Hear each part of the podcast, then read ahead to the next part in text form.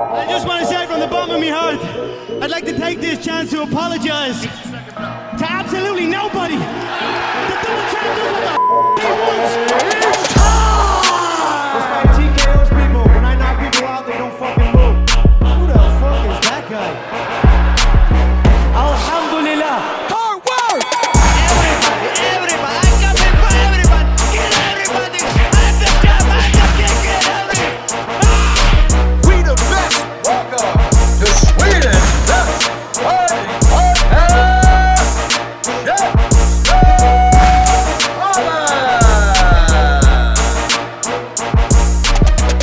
Så mycket Bruce Buffer.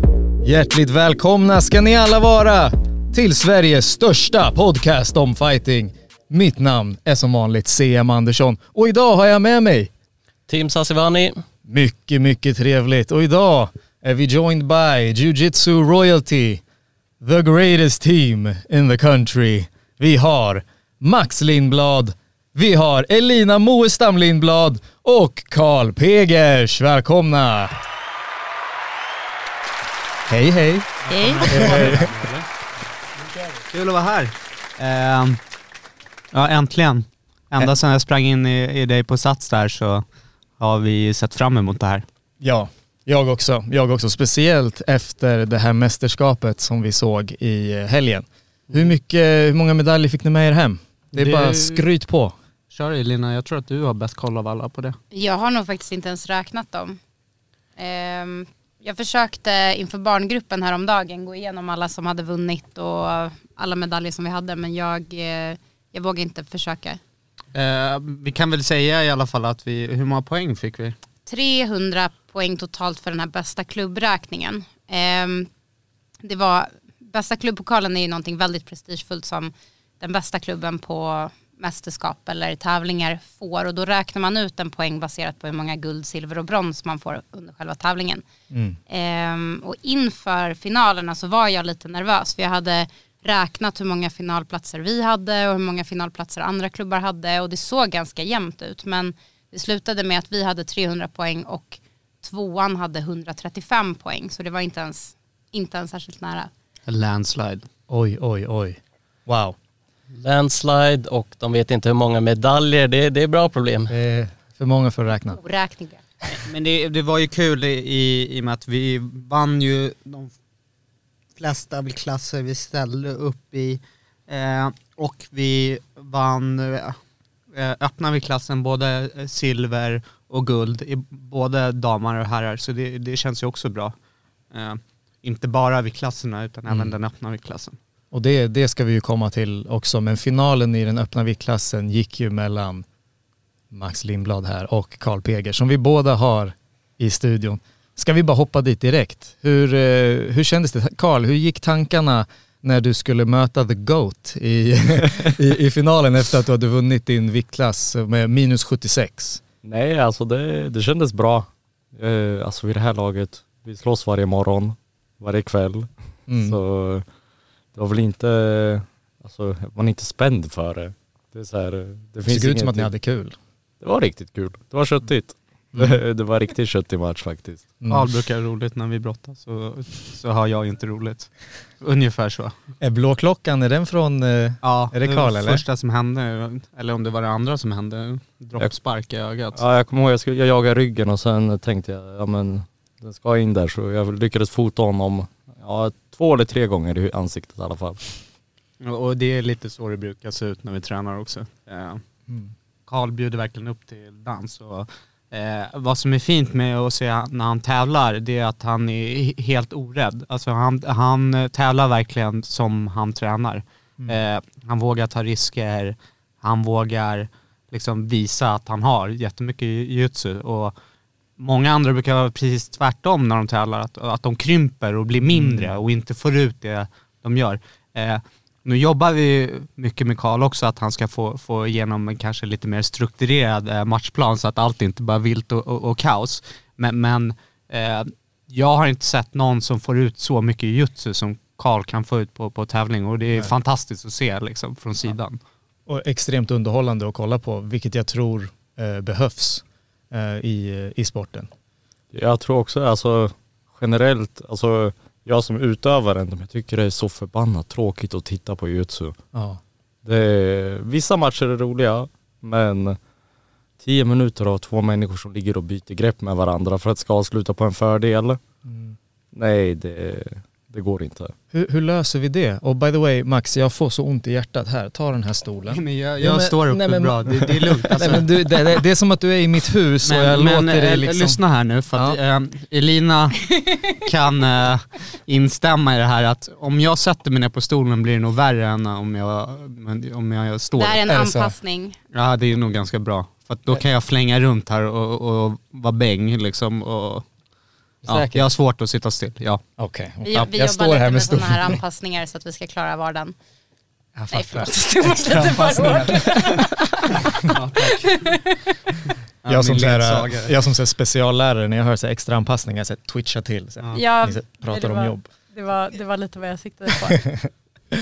Nej men eh, hur, hur eh, jag, jag håller med dig, jag är med dig. Jag, jag kan tycka att eh, eh, jujitsu kan vara ganska ointressant att kolla på, vilket är tråkigt när jag själv utövar den och då tänker jag så här, wow, um, till och med jag som sysslar med det här klarar inte ens av att titta. Alltså jag, jag vill gärna att det ska vara lite mer stories runt om matcherna, kanske behöver man bygga det behöver inte bli som MMA att man ska liksom, eh, det ska bli liksom en cirkus runt om men vad, vad har ni för tankar att kunna göra det mer till en liksom publiksport? Göra det liksom större? Eller vill ni att det ska bli större? ens? Alltså jag tror att folk har gjort lite försök. Man ser eh, Abu Dhabi nu, den organisationen. Ja. De har eh, dragit ner matchtiderna för alla bälten. Så, eh, och tagit bort det här med fördelar så att eh, allting är värt poäng helt plötsligt. Mm. Och då eh, syns det tydligare på tavlan. Du behöver inte vara särskilt insatt för att förstå att det står 3-2 Mm. eller något i poäng. Och egentligen allt för att få bort det här att man att det tar så lång tid för det är där man blir uttråkad, inte så mycket att matcherna inte är underhållande utan det blir för lång tid av samma sak. Mm. Jag, jag, tror, jag håller med Karl och, och jag tror det viktigaste man kan göra i jutsu eh, och jag hoppas IBF kommer hamna i den slutsatsen, det är att sänka matchtiden. Mm. För att har man en 10 minuters match och så ska det gå fem matcher på en dag, det är mycket matchtid och du kommer behöva spara dig. Eh, och där sänks ju tempot i matcherna medan om du har alltså fem eller sex minuters matcher, om man tittar på World Pro som, som Carl nämnde så är nästan alla matcher är, alltså de är superbra liksom. Alltså de är underhållande. Mm. Eh, också, det låter konstigt att säga det men det är sant. Alltså under 10 minuter så kommer den bästa vinna. Alltså och på fem minuter kan faktiskt någon som är sämre spöa någon som är bättre i jutsu. Men på 10 minuter blir det mycket svårare. Just det, det var det vet jag Gordon var inne på. ehm, att, att han sa att det kanske är min, när han snackade om no time limit matcher, att det kanske inte är så underhållande för publiken men det är liksom högst sannolikt att du får reda på vem som är bäst på jujitsu. Mm. Liksom bara nu för att du sätter ingen tid. Eh, Men eh, ja, ja, precis, jag hör vad du säger. Och frågan är då om publiken kanske tycker att det är mer underhållande ifall den sämre har en större chans att vinna. Att man kan bli catchad och det blir mer explosivt. Men då kanske man styr bort från skills och mer in i atleticism. Mm, ja vad tror och nej. Eh, Mm. ehm, nu talar jag lite emot mig själv och, och, och kommer säga att det här VMet vi såg i, i, BIOS VM var kanske det bästa VMet jag har sett. Eh, och jag tror det beror på att jutsun har blivit mycket bättre. Alltså alla är så mycket bättre och eh, man har klurat ut lite saker hur man löser vissa positioner som gör att det blir högre tempo och det kommer in eh, yngre killar och tjejer som pushar för att avsluta. Och jag, jag tror att eh, alltså underhållande jutsu är bra jutsu. Alltså det behöver inte nödvändigtvis vara någon som hjular åtta gånger i en match och hoppar ett armlås, men jag tror ärligt talat att bra jutsu är, är, är underhållande. Alltså även för folk som inte utövar sporten själv. Medan dålig jutsu, när två sitter, precis som Karl sa tidigare, på rumpan framför varandra, Eh, det är inte roligt. Nej. Och det är inte roligt heller när två står upp med varandra med stela armar, rumpan bakut och bara står och dansar liksom. Och där hade ni hela min gameplan mot Max. Det var, jag bara kastade allt jag kunde på honom under så eh, kort tid som möjligt för att försöka få ut den där vinsten. Mm. Du startade väl med en eh, flying armbar, flying triangle, något, något sånt försök va? Något försök. Jag var inte helt Ja. säker på vad det skulle bli men eh, ta tag i någonting och rycka. Hur många matcher hade ni gått innan ni gick final i öppna? För att jag kan bara förklara för de, de som lyssnar att man går först sin egen viktklass och sen så eh, är man anmäld i öppna så är det som att det är en, det är en ny turnering som startar efteråt och då möter alla alla eh, oavsett vilken viktklass du är. Så då kan man se roliga matcher där någon som väger 64 kilo möter någon som är tungviktare och så vidare. Men, så ni hade båda vunnit er viktklass. Hur många matcher var ni uppe i när ni möttes i öppna finalen? Jag vet inte, jag tror jag hade sex eller sju matcher innan eh, jag gick mot Max. Jag tror att jag hade sju totalt. Mm. Jag, jag tror jag gick tre vid klassen och fyra i öppna. Det, det låter som det stämmer. Eh, ja. Ja, det, Men, men jag, Karl hade väl också ändå relativt korta matcher. Ja, öppna, eh, i uh, viktklassen tog det lite längre tid men de i öppna gick relativt snabbt. Men, men man är ju van att gå mycket matcher på en dag så det, Mm. det är liksom inte, det, det var inte jobbigt liksom på något sätt så. Liksom. Eh, jag hade en match som gick tiden ut och den var ändå, alltså cruisade jag ganska, alltså den, jag kunde inte förlora den så Nej. som det såg ut. Så jag kunde ändå ta det lugnt. Nej, jag, så, jag såg det. Det var, eh, det var mot han eh, unga killen, Mi- Marlon. Ja, precis, och han är, han är fantastiskt duktig och han är en av de liksom uppkommande, eh, uppkommande, Up and coming. Vi Up and coming. Ja. eh, från Sverige. Han är Ja. fantastiskt duktig men eh, gjorde en strategisk miss och gick in i en false reap. Eh, och de som har tränat med Karl vet att Karl kan göra false reaps. Så att han satte sig i en position där han inte kunde vinna. Okej. Eh, alltså, Mm. han kunde ha släppt benet och då hade han blivit passerad. Alltså, Mm. Eller så kunde han hålla i den och förlora. Så det var valet var upp till honom. Just och jag det. kunde mer eller mindre bara ligga på honom och vänta på vilket beslut han ville göra. Mm. Men jag tänker att det du just beskrev eh, Max, att det skulle behövas något sånt kommentering liksom till matcherna för de många människorna. Så även om eh, du CM vi har tränat med, vi hade kanske inte förstått allt det där heller. Så desto mer man förstår, dels poängsystemet, för det är mycket poäng och allt det där också, att det skulle hjälpa folk. Ja men förstår man så är det lättare, om man inte förstår så ser det ut som två bara sitter och håller. Men Mm. det, det är som tidiga MMA-fans, varför kör de inte? liksom, Mm. ställ dig upp och kötta liksom. Och jag tror att det kommer med tiden. Alltså nu Mm. ser vi ju domarseminarium runt om i Sverige. Eh, och folk har bättre koll på reglerna idag än för tio år sedan. Eh, den tekniska aspekten så är det fortfarande bristande i hela Sverige. Eh, jag kommer ihåg när vi öppnade klubben eh, och så, vi har en jätteduktig instruktör som heter Anders Wahlsten. Eh, fantastisk, han är en, en av de bästa liksom, instruktörerna jag har tränat under. Eh, och han upp, öppnade upp mina ögon hur mycket saker jag hade missat i spelet. Eh, på en teknisk nivå. Alltså jag visste inte vad en false rip var. Jag vi, vi, visste inte hur man gjorde heel hooks. Eh, kunde inte brottas någonting. Eh, och massor med andra positioner som jag inte tänker nämna. Eh, som jag uppenbarligen inte hade koll på. Och jag har ändå liksom känt att jag har haft ganska bra koll och mer koll än de flesta jag har stött på i Sverige. Eh, och då blev jag igen lite så här humbled hur, hur stort jutsu är och att det, det krävs att vi steppar upp liksom. Allihopa i hela landet liksom. Och och inte stagnerar utan fortsätter att utvecklas med allt nytt som kommer. Och det är det som är, precis, alltså det finns alltid eh, mer saker att, att lära, vilket är en klyscha, men alltid, alltså väldigt, väldigt sant. Det finns alltid nivåer eh, och eh, någon som har svar på någonting som någon annan inte har svar på.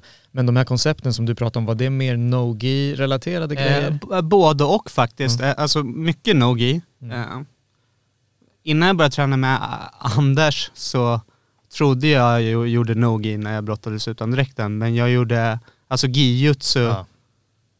utan dräkt. Men no-gi är någonting helt annorlunda.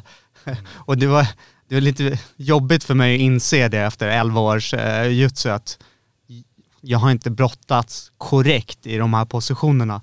Mycket reaktioner är fel och hur man tänker, man måste tänka om lite och så. Eh, och det förändrar ju jutsun också när man får de insikten utan dräkten så får man vissa insikter med dräkten. Mm.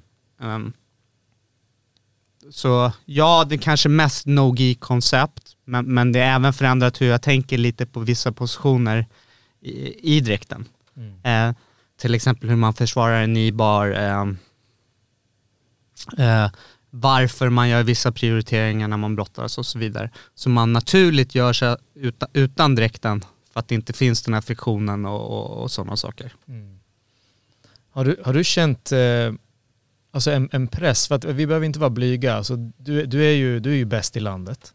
Det, det finns inga invändningar. Och eh, när du då liksom kör no-gi, känner du då liksom en press? För nu, nu har ju du träffat den här av Anders som har liksom förklarat de här koncepten. Har du känt då så här att okej, det finns en target on my back och nu ger jag mig in i det här no-gi. För jag såg att du tävlade, jag vet inte om det var i Finland, ganska nyligen. Kände du då att så här, här finns det massa hål som folk kan exposa och sen så kan de känna att ja, men jag, tog, jag tog the guy, jag tog Max. Eller hur, hur, hur, känner du med din egen stolthet och sånt där kring det? Nu, nu går vi djupt, nu, nu Eh, hoppar vi ner. Ja. Eh, nu, nu kanske det låter som jag hybris eller, eller eh, att jag är arrogant. Eh, men jag, om, man, om man pratar om den där måltavlan på min rygg så upplever jag att jag har haft den typ sen jag var blå och lila bälte. Eh, så det är alltid känt i- när jag tävlat i Sverige. Mm. Eh, så det har inte förändrats någonting för mig så. Eh, och tävla Nogi, okej men så här, det är inte riktigt samma sak. Eh, så jag kände mer att jag kunde typ släppa pressen helt när jag skulle träna Nogi. För det nu finns det massor med människor som bara gör Nogi. Ja. Och när jag kom till insikten att jag inte hade gjort riktig Nogi eller submission wrestling, då liksom, okej, ja men jag är nybörjare, jag får ta det för vad det är. Eh, och, och samma liksom som det här SM, jag vet att jag blir äldre. Jag, vet, jag tränar med sådana som Karl varje dag. Vi har en till kille på klubben som heter Rasmus. Alltså det kommer jättemånga duktiga under. Så det är ju bara en tidsfråga, jag är inte bäst i Sverige längre. Och den dagen kommer, förr eller senare.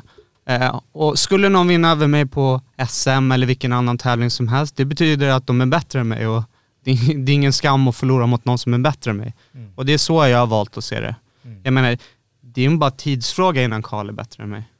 Jag är 31, hur gammal är du Karl? Jag är 23. 23. Alltså tiden är inte på min sida. Så är det. Det ser vi ju när vi tittar ut i eh, internationella landskap med Rotolo-bröderna. När är de födda? 2003, 2002. Mika Galvao, Precis. födda 2003. Tainan Dalpra. Ehm, det, är, det är unga grabbar och eh, som har liksom gått all in. Jag vet att Mika och hans team, de tränas ju av Mikas pappa och har väl, de har ju kört sedan de var tre år gamla eh, och har väldigt, väldigt mycket matttid när de är väldigt unga. Och då kommer ju också den där eh, oräddheten och liksom den här, jag tittar på dig Karl här, den, den, unga, liksom så the fearlessness som ändå behövs eh, när, man, när man utövar den här sporten. Att det är väldigt mycket psykiskt att bara gå på någonting, alltså eh, orädd självförtroende, håller du med? Alltså både ja och nej, men det är också helt beroende på liksom vilka, hur du ser på jujutsu. Mm. Vissa människor, de, ja, men som Max sa, jag har inget problem att släppa lös på tävlingarna. Men å andra sidan vet jag också att ta öppna, förlorar jag öppna, vadå jag är en minus 76 kilos kille som fick stryk. Mm. Vinner jag, jag är han i minus 76 som vann. Mm. Så de som är större än mig kommer aldrig kunna vinna den psykiska striden i allt det här. Så det är en win-win att ställa upp i öppna till exempel. Och då gör det också att man vågar släppa lös mer. För ju bättre du gör ifrån dig, desto coolare blir det om du vinner. Mm. Och med att det kryper ner i åldrarna, det ser du ju i Sverige också. Du har, alltså, jag börjar känna mig gammal, fast jag inte är gammal. Om man tittar på ungdomarna som körde SM eller bara de som precis är 18-19 år, har fått sina lila, får delta på SM. Eh, Som Marlon, eh, som eh, Max mötte, jag är fyra år äldre. Jag är fyra år äldre än killen, det är fortfarande... Och han är där. Då, då, då, jag tycker det är intressant att, att när man pratar om olika nivåer och sånt där, att nivån blir högre. Ni som graderar, Elina och Max, hur, eh, är det någonting som ni har tänkt på i att liksom, är ett lila bälte vad, idag vad ett lila bälte var för fem år sedan, sex år sedan, sju år sedan, tio år sedan? Är det någonting som ni tänker på att så här, nu har vi högre krav för liksom nya färger på bältet? Så hur, hur resonerar ni kring det? Jag tror inte att det handlar jättemycket om att det är nya krav eller det är ju en högre nivå. Om man kollar på EM, VM och tittar på lila bältena som kör. Om man kollar på Nordic Open och lila bältena som kör så är det ju en annan, en bättre jujutsu som man ser nu mot för många år sedan. Det kan man också se på ungdomsklasserna till exempel. På alla tävlingar och också nu på SM som var i helgen. Att det är mycket mindre eh, stå på knän och brotta ner varandra som ungdomarna och barnen gör och det är mycket mer jujutsu-likt så som ens idoler kör i svartbältesklassen på VM. Eh, och det är någonting som jag tror bara gör att folk blir bättre. En berimbolo nu kan man undervisa på nybörjarpassen. Och när jag började med jujutsu så var det ingen i den avancerade gruppen som kunde göra det. Eh, typ. Att det är liksom, tröskeln blir lägre hela tiden också för att man exponeras mycket för nya tekniker och eh, utmanas hela tiden i och med att jujutsun avancerar och det blir inte lika svårt med krångliga saker. Så jag tror mer att hela landskapet av jujutsu utvecklas än att man tänker att ja, men nu måste de kunna mycket, mycket mer för att få ett lila bälte. Att det är ju ändå, det handlar mycket om tid och det handlar mycket om, om det är någon som tävlar, handlar det en hel del om nivån och prestationen i, i klassen som man håller och är den redo för att tävla i lila bältesklassen. Eh, mer så. Och sen, alltså gradering är nog kanske den svåraste frågan man håller på med i brasiliansk jiu-jitsu just för att den är så, det, det finns inga riktiga regler så, det, här, det är så himla individuellt och personligt och vem är det man graderar och vad har den för utvecklingspotential och mål och drömmar med sporten. Eh, hur länge kan den fortsätta hålla på efter det här? Det, det är en ett alldeles för stor fråga tror jag för att avhandla snabbt. Mm. Och, och jag kommer säga någonting nu som jag har några vänner som kommer spy på när jag säger det, men, men det är sant. Eh, när man graderar någon så, det låter töntigt, det låter som mina vänner skulle säga är äckligt, men, men eh, man måste se individen bakom. Eh, Karl har inte, han har andra förutsättningar än en, eh, en tvåbarnsfar. Eller en tvåbarnsmorsa eh, frånskild. Så att man, man får sätta nivån därefter. Mm. Vissa gäller det att ta på volley. Andra gäller att hålla tillbaka lite. Eh, Så det är alltid personligt. Eh, Och jag tror att det är lättare idag att få ett bälte. För, för länge sedan när jag började träna så upplevde jag att klubbarna tänkte att ah, vi ska ha de bästa blåbältena eller vi ska ha de bästa lila bältena. Idag är det ingen som bryr sig om ett blåbälte eller ett lila bälte. Nej, men, det är, alltså, Känner du att det har förändrats, alltså den där sandbagging-kulturen? mer.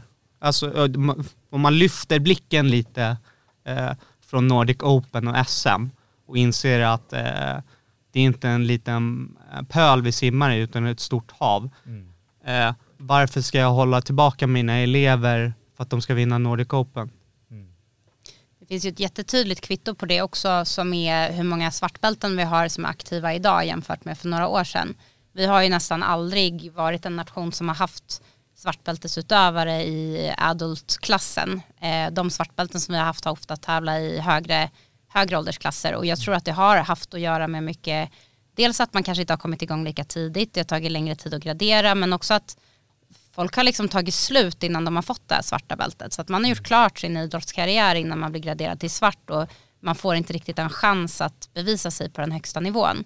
Eh, det tror jag tillsammans med att det handlar om den tekniska utvecklingen av jiu-jitsu i stort i landet, att nu är vi mer en nation att räkna med internationellt och vi håller en mycket högre nivå eh, än när brasiliansk jiu-jitsu var väldigt, väldigt nytt här.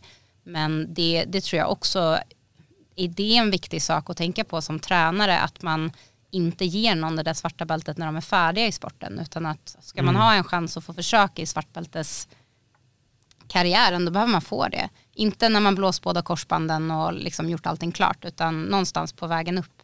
Eh, så att man har lite, lite gas eh, på vägen in där. Och där blir det ju så viktigt att lära känna liksom sin elev.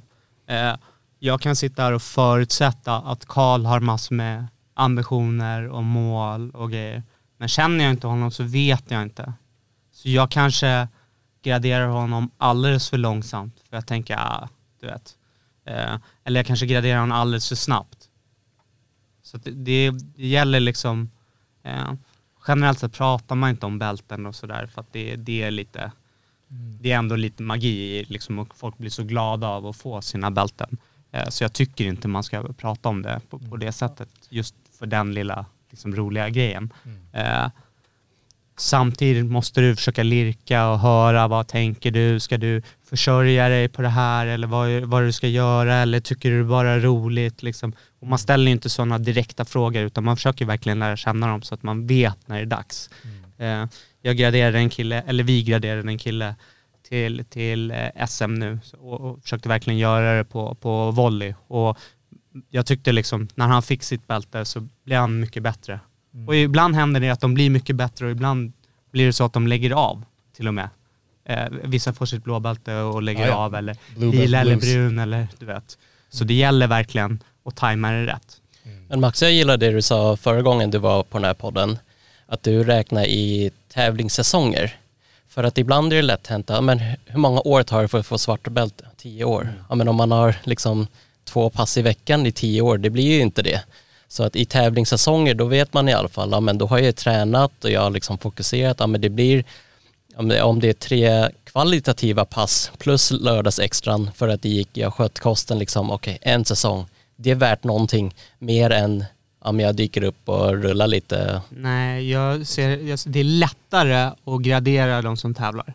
Mm. Just för att man kan räkna säsongerna, man kan väga dem mot eh, motståndet, eh, man ser vad som saknas och, och vad som inte. Man, ibland kanske man håller kvar ett blåbälte i tre år i, i, i blåbältes, för att han är ung eller hon är ung och, och vill satsa liksom och vill göra det på riktigt och de har tid på sig, ja men då får de blomma ut lite senare. Eh, men det finns ingen idé att hålla tillbaka en, en, ett ungt blåbälte som bara mosar sönder allt och går och vinner VM. Varför ska han köra VM en gång till i blått? Släng nej, på en lila, nya utmaningar. Liksom utmana dem hela tiden. Ja. Så det blir jättemycket lättare med tävlingarna. Mm. Det svåra blir ju de som inte tävlar. Ja. För att återigen, jag kanske lägger massor med saker på personen som kommer in och tränar. Ja, men så bra, liksom, du vet, eh, alla de här sakerna och, och eh, den här personen kanske vill bli en instruktör eller du vet, eh, han ska tävla eller hon ska tävla. Men det kanske inte alls är fallet, de bara kanske går dit för att de bara tycker det är roligt. Och så lägger man en extra press på dem och så kanske det blir så att, det, att de slutar bara för att man slänger på dem bälte, för att de känner att det blir en press. Och det där, alltså jag tror det är, det är nog det svåraste för en tränare liksom att hålla koll på, för det är inte en person du ska gradera. Utan du måste på någonstans ha en personlig relation med varenda människa du lägger på det här bältet. För när dagen är slut om ett blå bälte, ett lila bälte under dig. Mm. Så det är också, du sätter en stämpel på dem. Och får vi svära? Ja. ja. Eh, nej men alltså flera gånger vet folk, alltså om du är ett riktigt kukhuvud utanför mattan, Mm. de, folk vill inte ge dig bältet för att du inte kan bete dig. Men du är jättebra på sporten. Mm.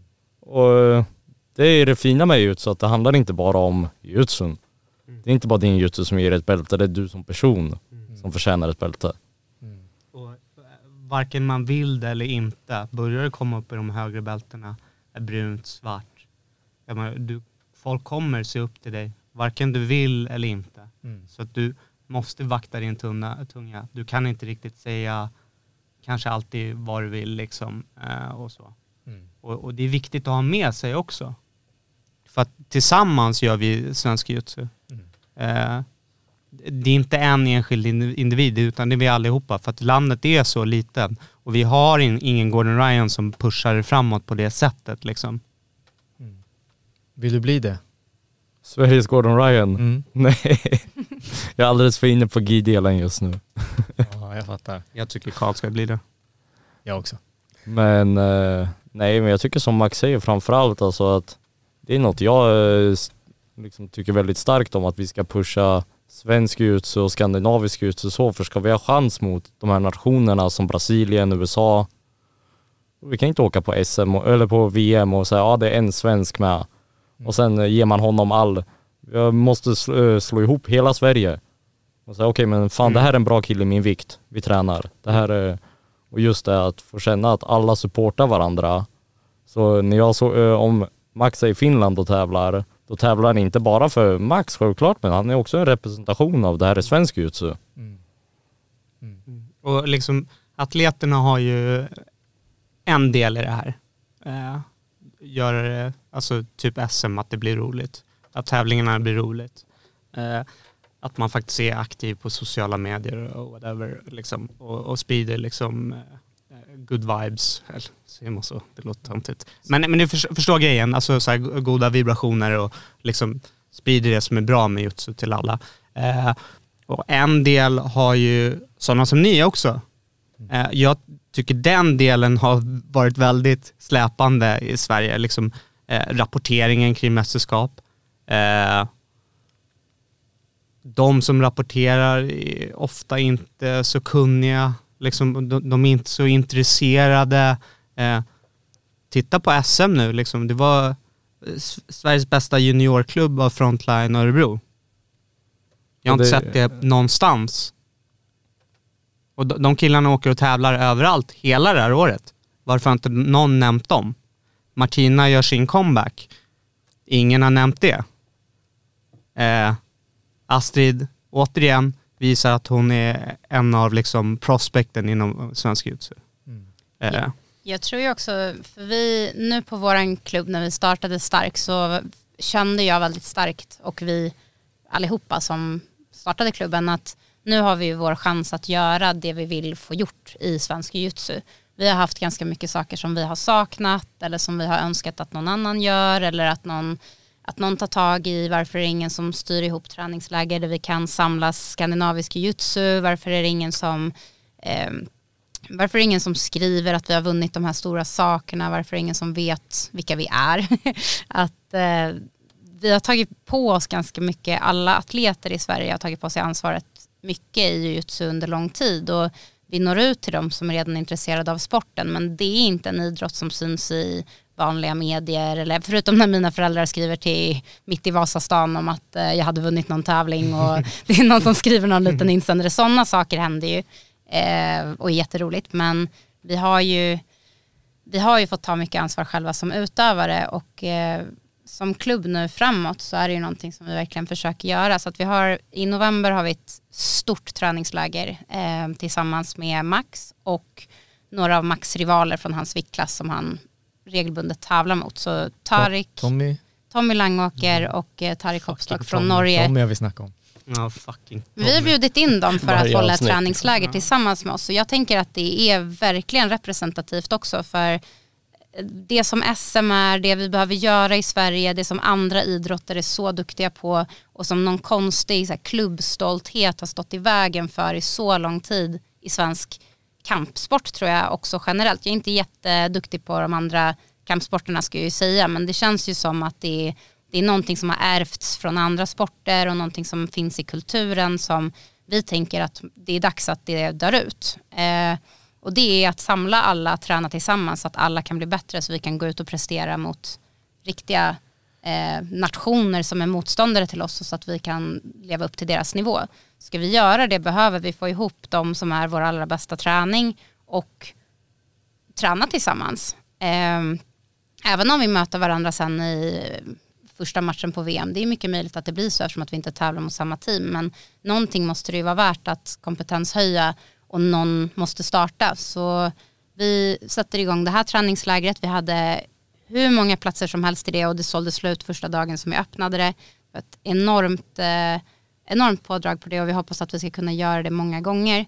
Vi har, jag, jag, jag tappar räkningen, jag brukade räkna hur många tjejer det var som började på vår klubb förut. För det har alltid varit en väldigt stor sak i, i sporten och på klubbarna som jag har tränat att man är kanske två eller tre tjejer och så är någon skadad och någon sjuk och någon borta och så är man ganska själv och så blir man jätteglad när den där andra dyker upp. Och vi har ju haft som rutin att när vi är fler än elva tjejer på ett vanligt pass så tar vi en gruppbild. Men sen till slut så har det hänt så många gånger så vi orkar inte göra det längre för att det är, det är så mycket tjejer som börjar träna hos oss.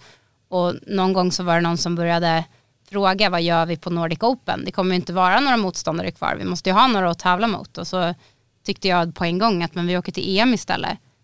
Vi åker till VM istället. Det finns ju liksom inte ett jättestort värde i att sitta här hemma och skjuta mot varandra utan det är ju de från Brasilien och USA som vi vill komma upp i nivå med. Då måste vi hjälpas åt och samlas ihop och träna tillsammans. Mm. Jag tror att i det stora hela också så saknas det pengar i sporten. Jag menar nu driver ni ju er klubb och det blir liksom de flesta har två jobb. Du, du har liksom ett jobb för att betala räkningarna och sen kommer du på kvällarna, låser upp och fixar och håller. Det, det finns liksom inga pengar i sporten, det är det som är problemet.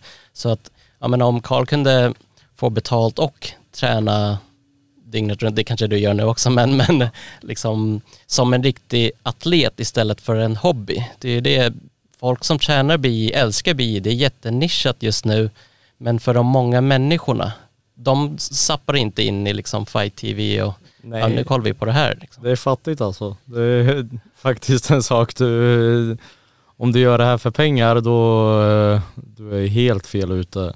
Jo, det är synd för att de meriterna som ni har, det, det är Zlatan-nivå nästan, liksom, liksom i hur bra det är i Sverige. Jag tror, eh, först ska jag cirkulera tillbaka lite till det eh, Lina sa för att jag ville flika in en sak men inte avbryta något. Eh, det första tipset, om, om ni har en klubb i Sverige, eh, säg inte åt era elever att de inte får träna någon annanstans. De kommer göra det om de vill göra det. Folk skulle bli förvånade och kom, när de kommer ner på vår morgonträning och ser hur mycket besök vi har från andra klubbar. Eh, så jag säger bara det, så att lura inte er själva med att säga att de inte får träna någon annanstans. De kommer göra det om de vill göra det. Så är det bara. Eh, sen, och se, eh, komma tillbaka till det du sa här. Det, jag tror det är väldigt farligt att säga att det inte finns några pengar i, i, jutsu. Jag tror att det finns hur mycket pengar som helst att, att hitta. Men, men vi har liksom, vi har varit nere i gruvan och vi hackar lite fel. Eh, vi, det gäller bara att hitta liksom guldådren. Eh, och återigen, jag tror att det är allas ansvar som håller på med det här och, och liksom hitta vad det skulle bli. För att om Mark Zuckerberg gör jutsu, jag menar, det säger väl någonting om, om jutsu. Alltså, det finns oändligt med pengar där ute att hämta i jutsu. Eh, och jag är helt övertygad om att det är fallet i Sverige också. Nu har vi inte riktigt hittat det och, och liksom så här, jag tror bland annat att folk inte inser att vi väldigt länge har faktiskt gjort det här på en professionell nivå. Folk pratar om att vara atleter och så vidare. Eh, de vet faktiskt inte vad Karl har gått igenom för att eh, ta de här SM-gulden och vara ute på de här tävlingarna och ta de här stora medaljerna. De, de liksom tror att han tränar fem kvällar i veckan. Eh, om ni såg hur mycket han tränar och hur mycket han har uppoffrat för det, då skulle man inte prata på det viset. Eh, och jag tror att alltså, folk har ju gjort det länge i den här sporten. Eh, och om man skulle komma till de insikterna så tror jag att du skulle se lite annorlunda ut, liksom, om man pratar på det på ett lite mer seriöst sätt. Så jag är lite emot på att man ska säga att det inte finns några pengar i idrotten, för det finns, det finns pengar i idrotten. Det är ju också, eh, jag tror ju också att det, det hör ju väldigt mycket ihop med en sån här svensk föreningsidé om att det, man inte kan ta betalt för att syssla med idrott eh, och att det ska inte kosta någonting att träna. Och det är ju någonting som jag tycker att man kan se att det vänder, att det kommer in en massa crossfit här och de tar ordentligt betalt för att man ska få gå på rena fina gym. Folk börjar liksom se värdet i att eh, okej jag kanske vill träna någonstans där folk faktiskt arbetar i med att ta hand om den här lokalen, folk har den här professionella nivån, att det kan vara värt att jag betalar 100 kronor mer i månaden än på en annan klubb där någon driver den här klubben efter sitt vanliga jobb eller vad man ska säga. Ehm, nu har ju vi alltid haft våra vanliga jobb för att betala våra hyror och så. Ehm, men jag tror också, för mig så har det alltid funkat, jag, jag har inte velat ha ingenting förutom idrotten och jag tror att det där är jätteindividuellt. Att det är också svårt att måla på de som är atleter att det här ska vara det enda som man gör i livet. Och det finns ju flera vägar. Till exempel så medan jag har studerat, jag pluggade på lärarlinjen vilket är en jättebra utbildning att kombinera med att träna mycket för att man inte är där så mycket. Eh, så är man lite bra på att läsa så behöver man inte lägga jättemycket tid på sin utbildning.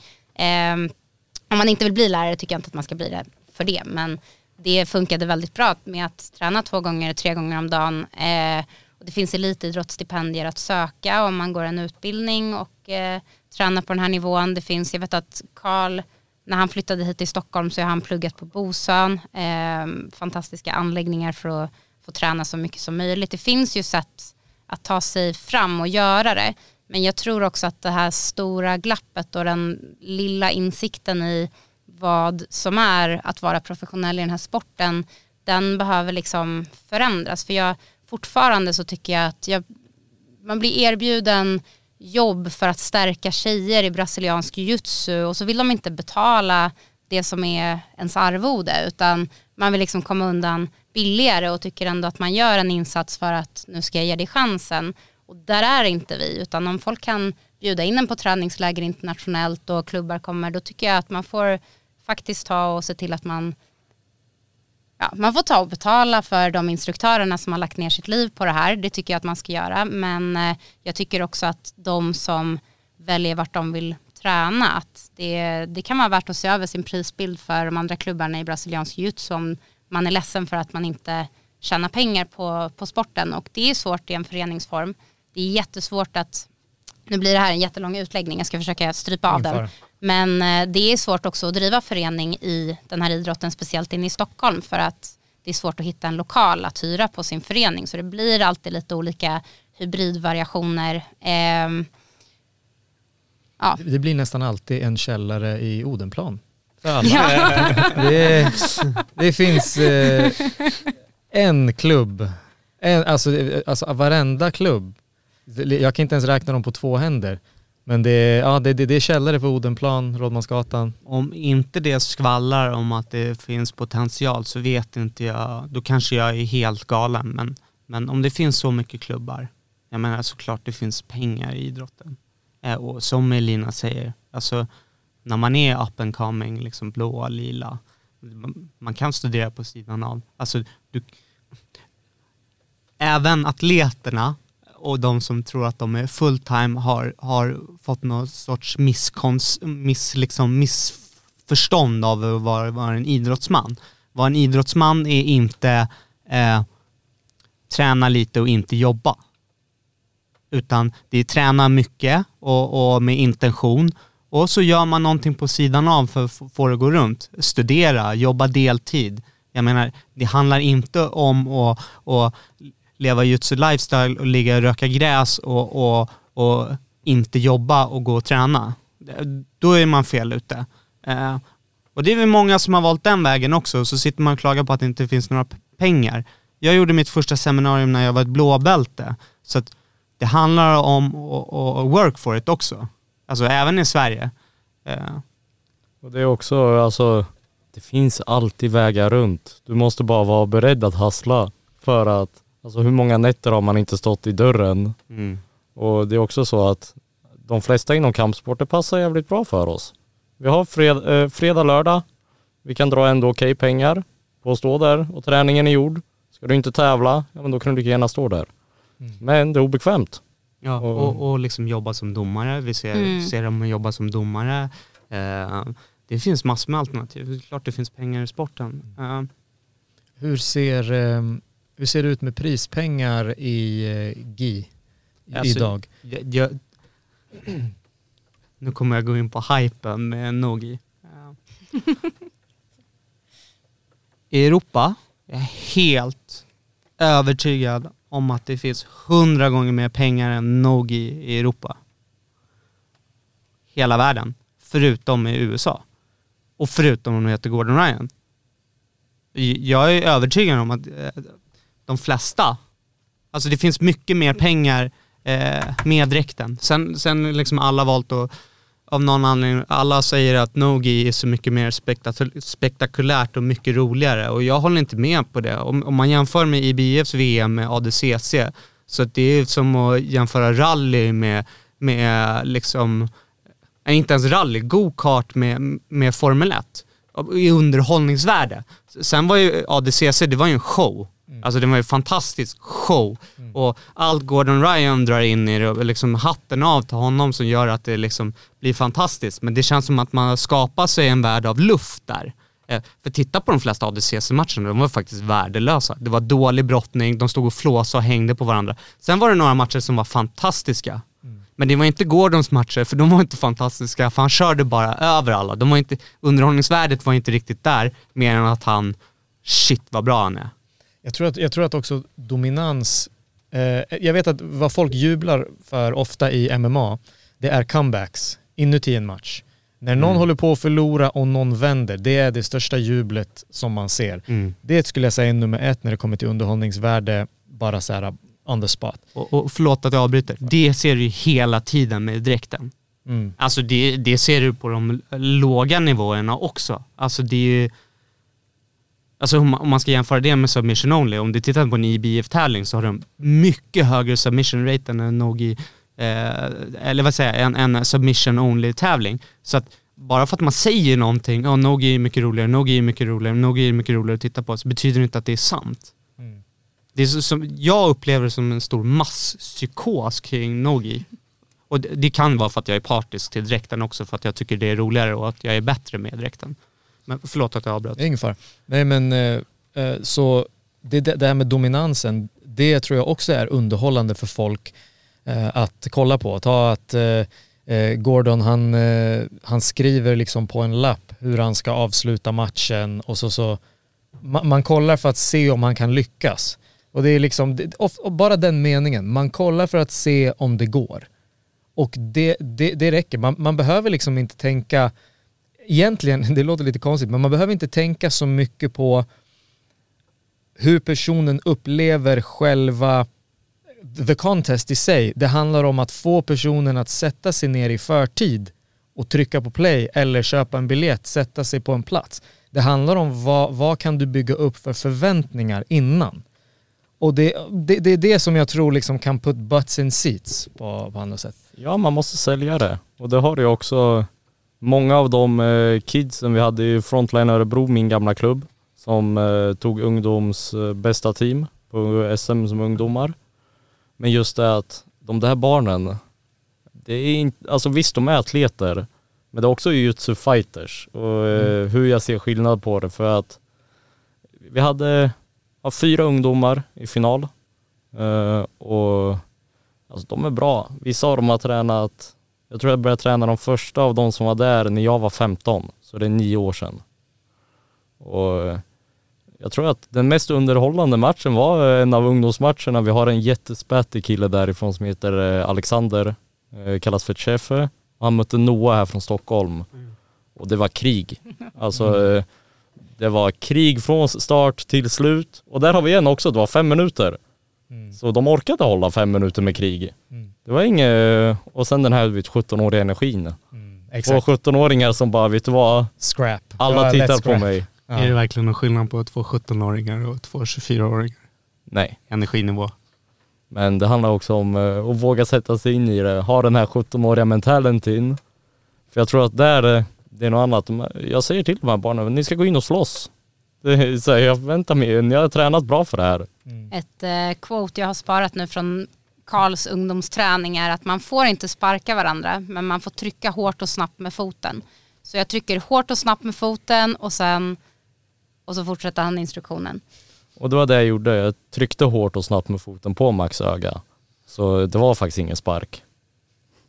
Man får ju råka göra ganska mycket i jujutsu och jag tycker också på ett sätt, jag har väl fått blivit den ungdomstränaren som tar lite hand om de här stackars barnen när de blir ledsna för att de inte lyckas bryta Karls arm och han skrattar åt dem under tiden. Men eh, det är ju, det är ju en kampsport också som man håller på med så jag tycker att det är ju ganska rätt att man faktiskt, eh, att man får kämpa och att man ja, kanske råkar göra illa sig lite grann ibland men det hade man säkert råkat göra i handboll också. Mm. Ja fy fan alltså när man, ibland, jag har ju spelat fotboll hela mitt liv, men när man tittar på fotboll och ser någon bli tacklad från sidan och jag tänker på deras korsband Mm. och grejer. Det Alltså, händer ju jag- aldrig liksom att man är oförberedd på att det kommer någon på en när man håller på med kampsport Exakt. utan man är ju, man är ju redo. Ja, kommer ingen från sidan liksom. Och vad som är fantastiskt att se Karl med ungdomarna det är att han kan visa den där tuffa sidan, du vet, så här, man, man stryper folk i ansiktet bokstavligt talat och han trycker hårt och snabbt i ansiktet med foten. Men han gör det med glimten i ögat och då är allting okej för att man vet att det kommer från någonstans med kärlek. Eh, han kan strypa mig liksom så att det känns som att jag ska bryta nacken eh, på träningen eller dra i min fot som, som kanske vem som helst annars hade jag blivit galen om de gjorde det på dem. Men det är som ren eh, och skär glädje och kärlek är bakom. Då, då kommer man undan med nästan alltihopa. Och det är det som jag tycker är fantastiskt med jutsu. En av grejerna som jag tycker är fantastiskt är att du kan gå 100% i träning. Och eh, för att, jag menar, vi, jag har kört MMA tidigare, det här är en MMA-podd främst. Karl, du har kört MMA också. Det är ju, eh, då, då är det så här, sparring och match, det är väldigt stor skillnad. Och det ska vara det. Sen så kan man skruva upp det, men det blir lite det här, eh, glimten i ögat kan försvinna för att man kanske träffar någon hårt och sen så ser man att blicken förändras lite och då är det så här, är det här fortfarande vad det var nyss? Eller är det här en fight nu? Du vet, det, det, sparring kan liksom bli så, så spårat och liksom så, men det i, eh, i BJ och så, där så kan du, du kan ändå gå liksom hundra och så finns den där magiska klappen och så bara släpper vi. Och, eh, ja, det, fin, det finns en, eh, en stor eh, kraft i det, verkligen. Och jag tror lite att det kommer från, liksom, det är ändå en budosport liksom, eh, att det kommer därifrån. Uh, Medan MMA inte har budon i sig. Mm. Eh, så att den där, den finns ju i, i en fungerande, eh, eller på en fungerande BI-klubb så finns det ju där. Sen självklart blir folk lacka och du vet så här, jag blir lack också eh, och, och tappar det.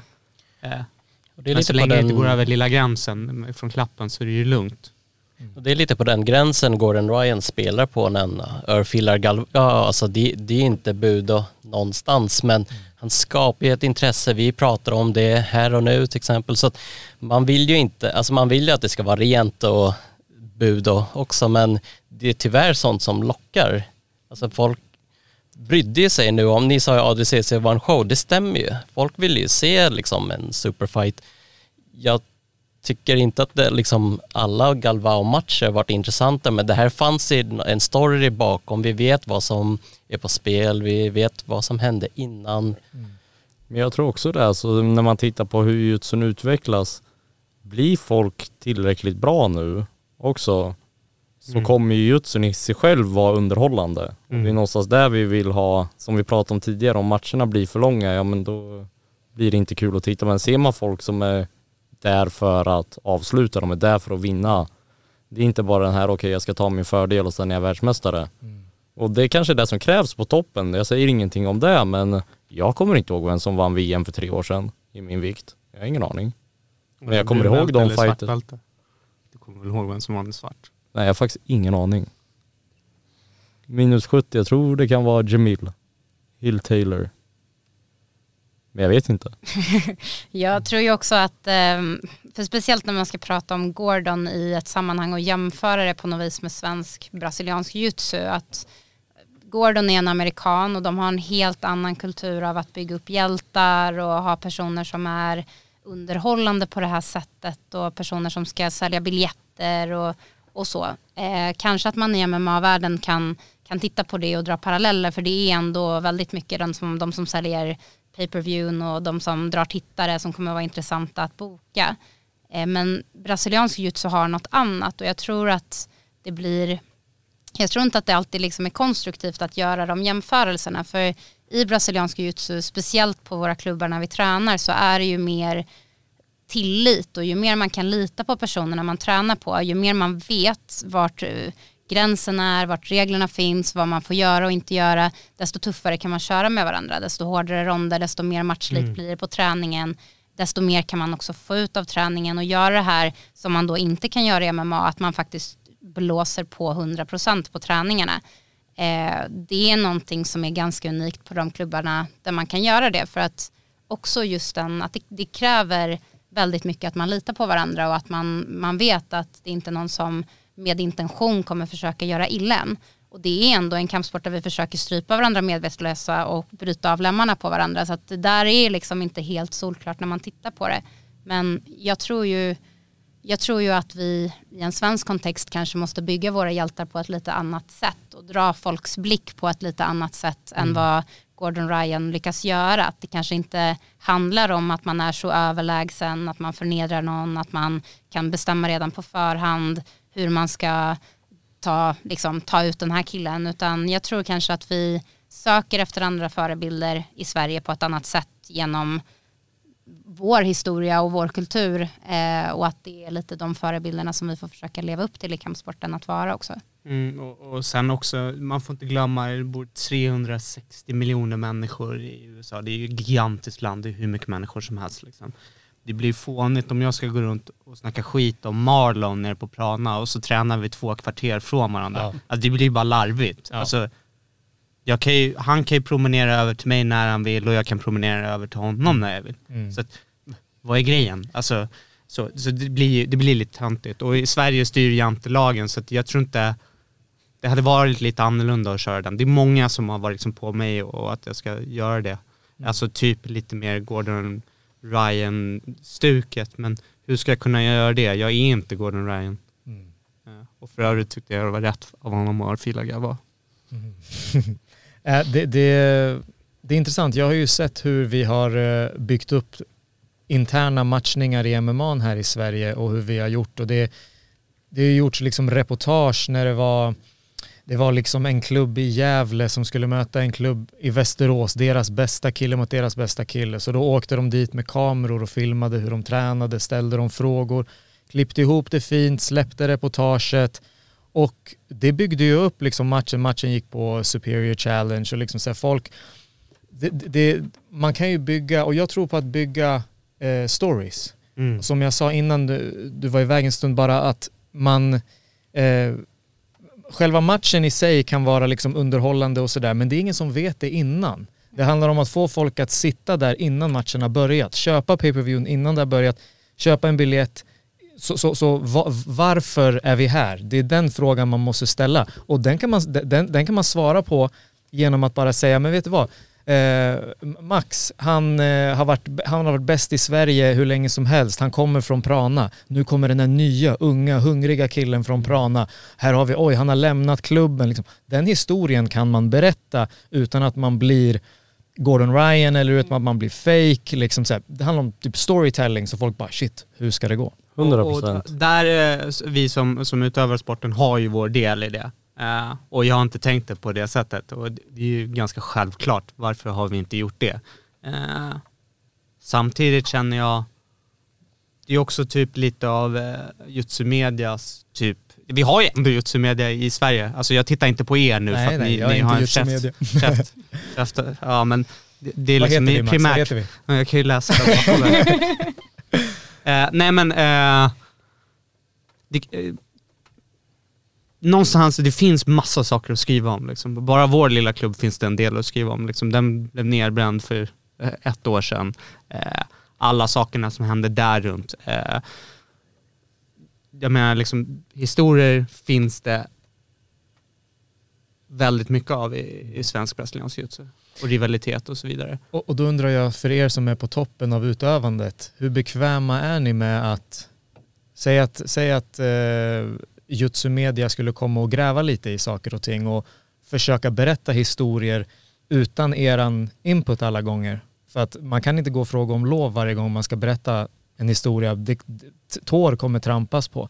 Vad känner ni att ifall det skulle finnas en, säg att det var ett event, vi kallar det vi kallar det Swedish eh, Championships, whatever. Det, det, det, det, det, det är inte... ja, du vet, det- jag, jag, jag vill alltså. inte säga Swedish Open, jag vill inte säga Nordic, jag vill hitta på någonting nytt. Ehm, Vi säger, eh, vi säger Maximum Fight Night heter den, okej? Maximum Fight Night, det är jujitsu super, super fights. Okej, det är inget turneringsformat, det är liksom matcher. Superfights brukar man kalla det för i, i, i jutsu, bara för att det, ja, whatever. Maximum Fight Night, nu kommer det komma upp lite promo här, det kommer ett kamerateam, de kommer att intervjua, de kommer till Stark, de börjar ställa liksom de där frågorna, de drar till Prana, de försöker bygga upp en kanske en rivalitet som ni, för ni, vi har ju pratat om att vi vill enas och vi vill rikta energin utåt, utomlands. Men om vi håller oss i lilla Sverige och vi vill att man ska sälja ut uh, Solnahallen för, ett, eh, för Maximum Fight Night. Jag tror, ju att man kan, jag tror att man kan bygga historier och förklara koncepten eller liksom kontexten bakom vilka vi är idag på ett sätt som inte handlar om att smutskasta varandra på klubbarna. Ehm, jag tror inte att det är det du menar bara riktigt så utan det är ju de klubbarna, jag har ju tränat på många klubbar ehm, och lämnat många klubbar. Det har alltid varit en stor och jobbig grej. Det är ingenting som är lätt att lämna en klubb. Vi har ju jättemånga personer på vår klubb nu som har kommit till vår klubb från andra klubbar. Så att det finns ju många liksom, historier att, prata om. Och vi eh, de av oss som har lagt så här mycket tid i sporten, vi har ju praktiskt taget bott på de klubbarna vi har varit på. Så att det är väl klart att liksom, det, det har väl hänt en massa saker man skulle kunna prata om fram eller tillbaka. Och mm, man har väl haft konflikter och det har varit saker. Men jag tycker ju att det kanske är mer, mer spännande att se vägen till där man är idag än just att försöka beefa mellan klubbarna. Det tror inte jag är någonting som gynnar oss. Speciellt inte i just den här kulturen som vi verkligen försöker lämna. Att man tänker sig att man har medlemmar som är vuxna människor som får träna vart de vill och betalar de ett medlemskap här så är det väl helt upp till dem om de vill träna på ett tillställe också eller, eller så. Men jag har ju, alltså som med kidsen eh, där hemma där jag kommer ifrån, så är det också, jag tror att man kan sälja mycket deras personlighet. Att eh, det behöver inte nödvändigtvis vara att just ja, matchupen, det är klart att matchup ska vara bra. Men eh, de här kidsen, du vet, jag ger dem smeknamn, jag ger dem, eh, de ska ha, jag, jag bygger upp dem som en individ. Och alltså många av de här, de är karaktärer. Om man tittar på kampsportsvärlden generellt, vi har massa karaktärer. Verkligen.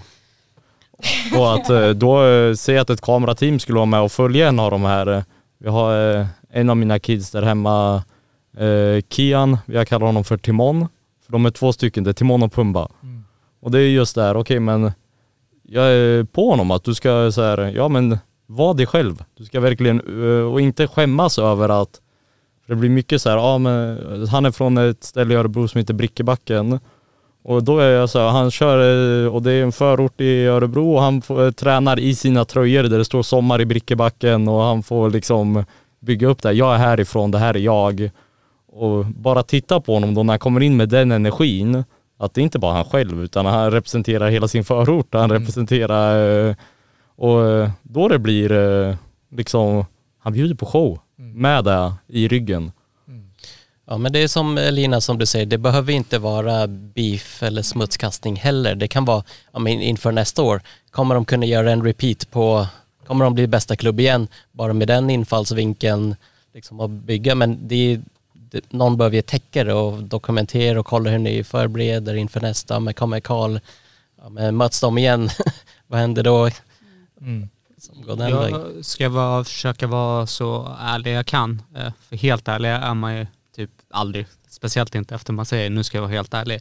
Men, men eh, typ om man, man gör någon liten intervju liksom så säger man det man säger och personen liksom lägger ut det i intervjun så typ nästan alltid blir man ju missnöjd med vad som står där även fast det var det jag säger. Så med det sagt så, så ja, alltså självklart tycker man, eller skulle jag tycka det var jobbigt om någon skriver om mig och ställer frågor och du vet sådär som, och, och porträtterar någon, någonting av mig som, som, eh, som jag inte kanske tycker eller sådär. Ja, självklart, det tar ju på egot och på den jag tycker jag är. Eh, men samtidigt så känns det väl som ingen någonsin i svensk jujutsu har ställt någon obekväm fråga. Utan allt är väldigt PK och nedtonat. Eh. Ja, eh. jag väntar väl fortfarande på att någon ska ställa lite jobbiga frågor och sådär. För det finns massor med jobbiga frågor eh, och, och sådär. Ehm, men om ingen kommer börja göra det så tror jag att jag själv kommer ta platsen själv och börja liksom facea lite jobbiga saker som jag har varit med genom i min karriär. Om ingen vill göra det seriösa och liksom ställa jobbiga frågor, liksom, ah, hur tänker du här, vad, vad händer där och du vet sådana saker så fine, då kommer jag börja ta den platsen själv.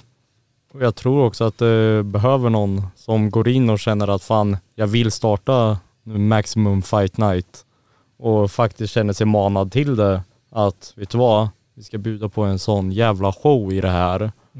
Och alltså vi har ju inte något riktigt sånt i Sverige. Eh, Polaris gör det jättebra eh, borta i England där de har olika koncept på teamfights och allt Mm. möjligt.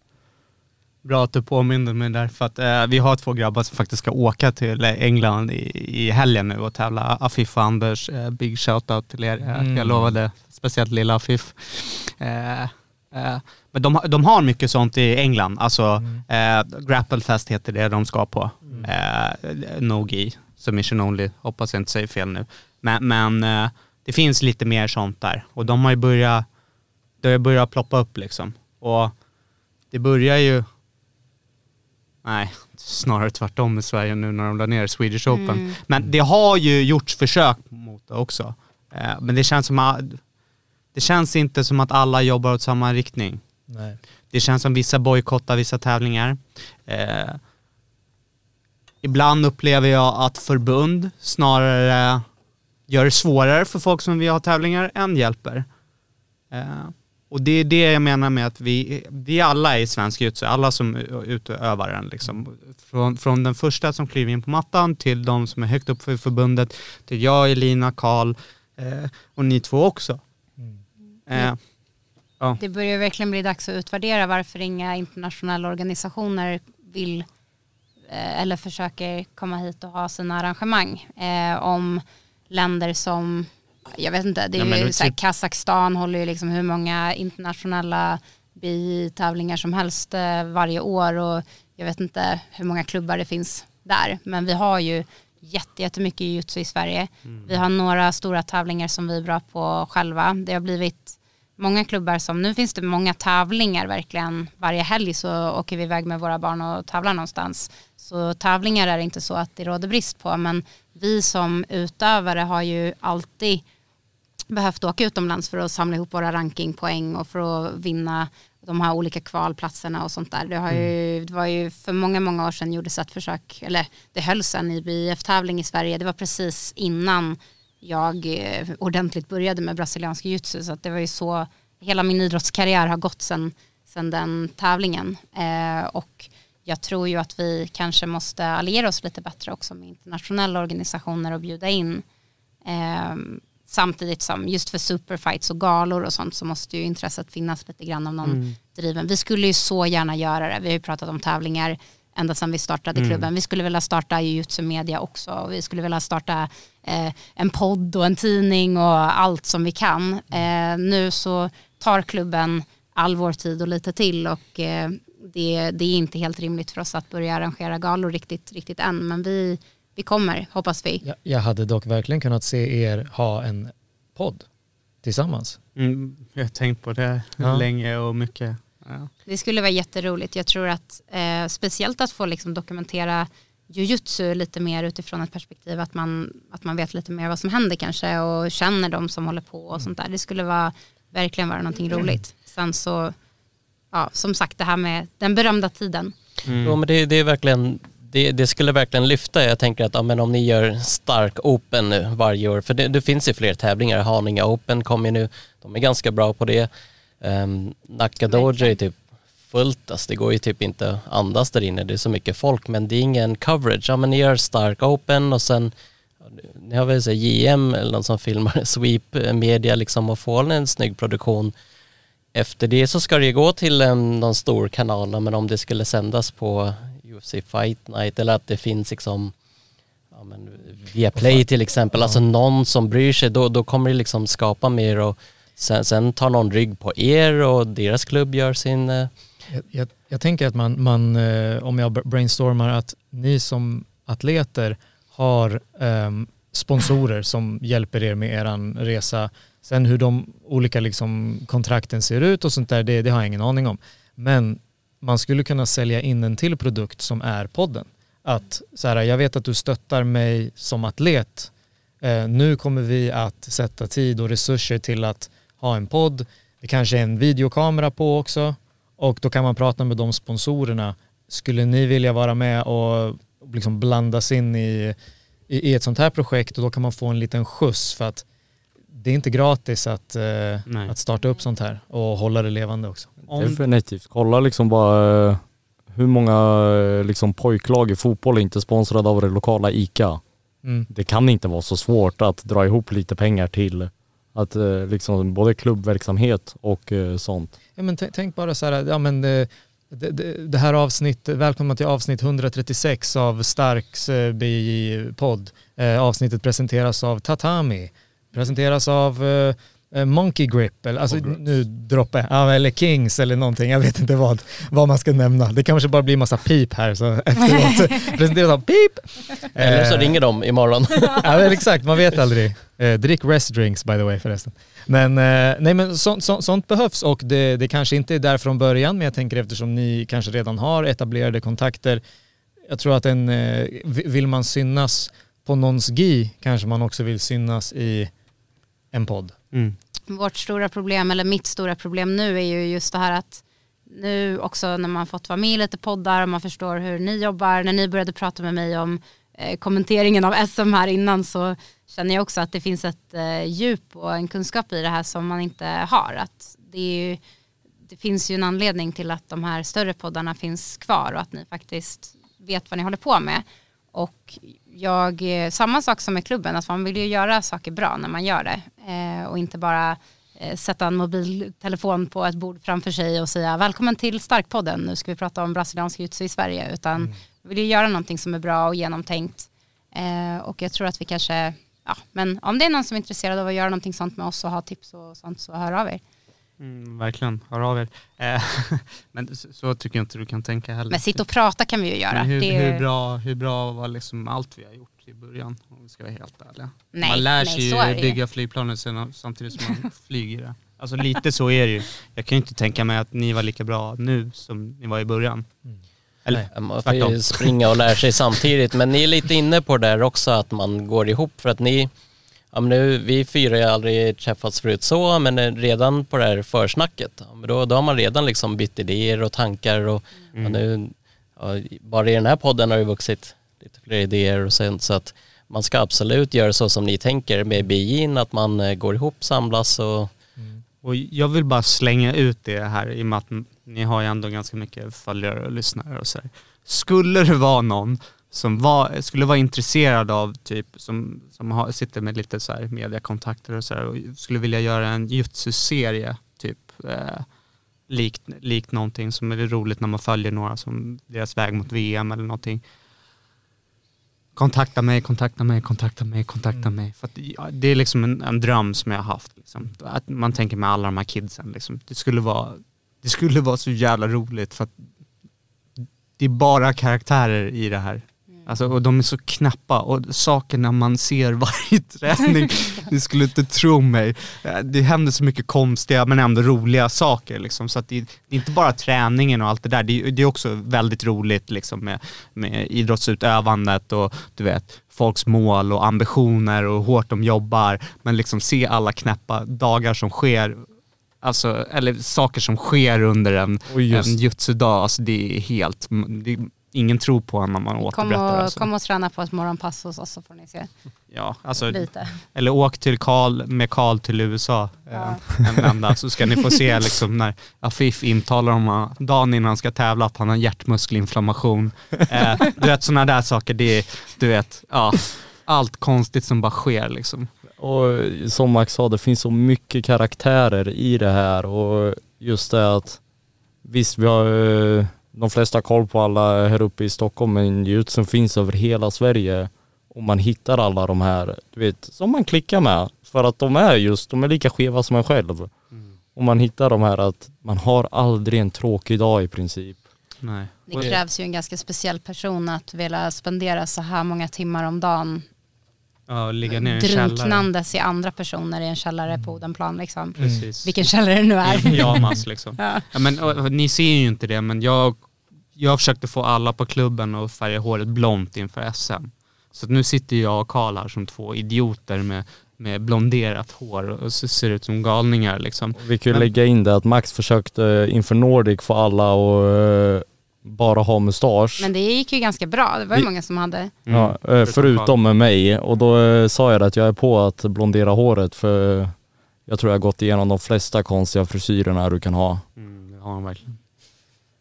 Eh. Nej, men- nej men det är liksom så här, så, sådana saker kan ju vi göra också liksom. Det blir ju roligare om Men alla sådana dyker- grejer är roliga och det, Mm. det är på väg någonstans så det, det är någonting man kan podda och skriva eller instagramma om liksom och fånga upp. Och jag tror att de här knäppisarna som ni har och ser, att det finns i alla klubbar egentligen. Ja, Fast det ja, kommer inte 100 ut. procent. Helt klart. Vi har ju alltså en av mina bästa kompisar som är en av Max favoritpersoner är ju hemma i Örebro, min bästa vän Douglas. Det är, så här, det, det är standard att man ringer honom och frågar honom varför han inte är på morgonträningen. Och det kan komma sådana sjuka saker. Nej men jag kastade ner mitt fönster, inte med flit då, men fönstret från tredje plan ramlade ut. Va? Och det, man bara, hur går det ens ihop? Varför har, ligger fönstret där nere? Han bara, nej men jag försökte öppna det. Och det, det är sådana saker, eller jag har krockat bilen. Jag har gjort, eh, man har ingen aning om varför folk inte dyker upp. Får man missa en träning på stark om man tappar ett fönster? Nej. Nej. Det enda godtagbara ursäkten att missa en träning, det är om man är på begravning och då måste det vara ens egna.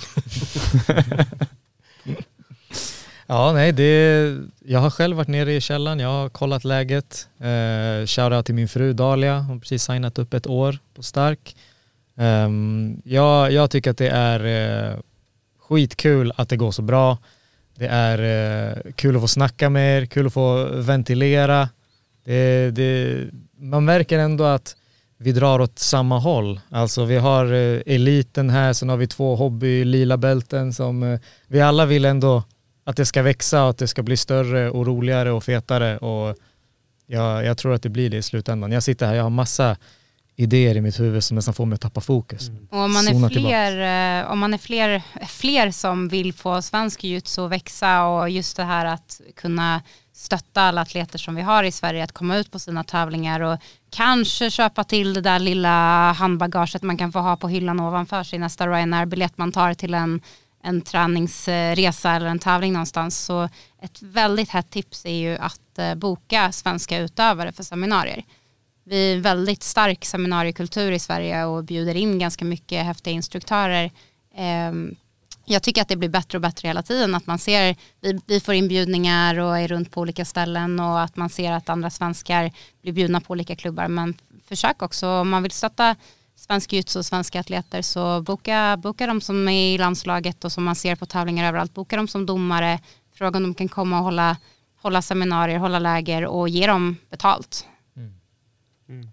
Nej, ja. mm. Ja. Nej men det, det, det är så liksom. Eh, Nu får ju... Det är ju mera nu än förr men det är, jag tycker att fortfarande är vi alldeles för dåliga på det. Eh, Och bjuda in våra egna. För varför ska flyga en amerikan från andra sidan Atlanten och visa ett X-guard-svep som Karl kan göra tio gånger bättre? Bara för att han är ett namn då. då. Och det- kanske är värt att betala för att han är det där namnet, men om det faktiskt är kunskapen du är ute efter. Så det, okej, och vi säger nu att man inte vill ha en, en svensk eh, eh, liksom atlet nu av någon anledning. Ja, men Norge, för det finns några duktiga killar och tjejer där. Danmark, det finns några duktiga, eh, duktiga killar och tjejer där. Finland. Jag tror också att det är den här liksom klubbs, klubb, eh, att vi sitter så himla fast i att vi ska vakta gränserna till vår egen klubb. Det hindrar så mycket av utvecklingen framåt och jag tror att det också gör det lättare att boka in en helt frånkopplad atlet från ett annat land för att det liksom inte går över några gränser och jag vill bara säga att alla våra instruktörer, våra utövare som vi har på Stark, de åker gärna vart som helst. Det är bara att, bara att fråga dem. Vi har någon som är bra på fotlås och någon som är bra på det, det, det ena och det andra. Vi Vi har tjejer och killar och stora och små och allt vad ni kan tänka er. Så att om man saknar instruktör och vill ha ett seminarium så hör av er till oss så kan vi boka någon. Och samma sak också med de duktiga, duktiga utövarna på alla andra klubbar också självklart. Och det, är Men gans, vi- ja, förlåt, det är ganska lyxigt att liksom fighters är ganska lättillgängliga. De, det är liksom inte så många diviga, så du kan ju komma i kontakt med ja, men de bästa biutövarna, även i Sverige eller i andra länder. Men jag tror också det här, eh, du, du pratade om att liksom stängda gränser, det här med instructionals nu, alltså det borde ju bryta lite för att förut så var det liksom att kanske att man håller sina tekniker för sig, instructionals, nu är det liksom öppet för alla. Visst, um, Keenan Cornelius visade Wormguard när han var klar med den liksom, men ändå att det främjar ju så att man inte håller i sitt, typ. Det hör ju liksom lite ihop med det här folk som beskriver jutsu som schack. För det är någon eh, jävel i USA som hittar på, eh, ja men fan, han sätter den här tekniken på varenda tävling. Och sen helt plötsligt kommer det någon från Japan som har svaret på den där. Det är det som gör det roliga att om det, allt finns tillgängligt så är det så här, ja men hur, vad har vi för intressanta sätt att lösa det här? Och det är lite en av aspekterna som är roligt med jutsu att positionerna går ju alltid att lösa. Det är bara frågan hur. Det, Det- ja. det, det är ett komplex, äh, som komple- komplex fråge, frågeställning. Men, men eh, jag tror, alltså, om jag ska vara ärlig, att jag tycker också att det borde ha tagit bort den här grejen med att, att vakta sin klubb. För att allt är tillgängligt. Alltså går och, och tittade på SM nu, då ser du saker, alltså det, det finns, det är där, det användes i tävling. Man ser ju exakt vad alla gör. Det, det går inte att dölja liksom. Mm. Och vi har allt inspelat, allt. Alltså hela VM är inspelat, hela ADCC är inspelat. Det finns inga hemligheter. Det finns inga hemligheter. Om man, tror, om man är så dum och tror att man, förlåt, så jag ska inte säga så. Om man tror att det finns hemligheter eh, som vår klubb gör som, som ingen annan har koll på, då, chansen är att du, eller väldigt stor chans att du, du är fel ute. För att, jag menar, Det är ju någonting väldigt häftigt som jag märkte i alla fall när jag började resa mer och träna på, på klubbar i USA och varit i Brasilien och sånt där. Att det är liksom, det är lite som i Kung Fu Panda när de säger att uh, there is no secret ingredient. Utan att det är, det är, det är en matta, det är folk som är bra på jutsu, det är träningar, de gör tekniker, de gör sparring. Ehm, det, det är inget liksom magiskt eh, över de här riktigt duktiga utövarna förutom att de har lagt väldigt mycket tid och folk har talang och folk är duktiga och folk gör olika framgångsrika saker mot varandra på den här mattan. Men samma sak på klubbarna i Sverige och samma sak på alla klubbar utomlands. Att det, det, det finns ingen liksom liten hemlig sak som gör att folk lyckas eller inte lyckas. Och alla de här sakerna som vi gör, som Max gör, som Carl gör, som, som svenska atleter gör, de visar vi gärna och berättar vad vi gör. Så att det är ju det är ju någonting som jag verkligen känner att jujutsu utövare är generösa med att berätta exakt vad de gör. När vi har bokat eh, de här norrmännen som Max regelbundet tävlar mot och ställer frågor om teknikerna som de gör, berättar om allt och sen nästa gång de tävlar så kommer de försöka göra det i alla fall. Att det, det finns inte samma att man, att man vaktar sina hemligheter som man kan tänka sig att det kanske har funnits förut. Ja, och jag, jag tror det faktiskt aldrig har existerat. Det kanske har existerat i Sverige, du vet, eh, tidigt 2000-tal. Men så som jag har förstått det i, i Brasilien har de alltid tränat med varandra. I USA också. Eh, Jag tror att den transparensen gör också att ni drivs att liksom bli bättre. För det ni lämnade efter på SM, eftersom alla kan titta på den så behöver ni hitta på någonting mer och driva er vidare och utveckla gamet.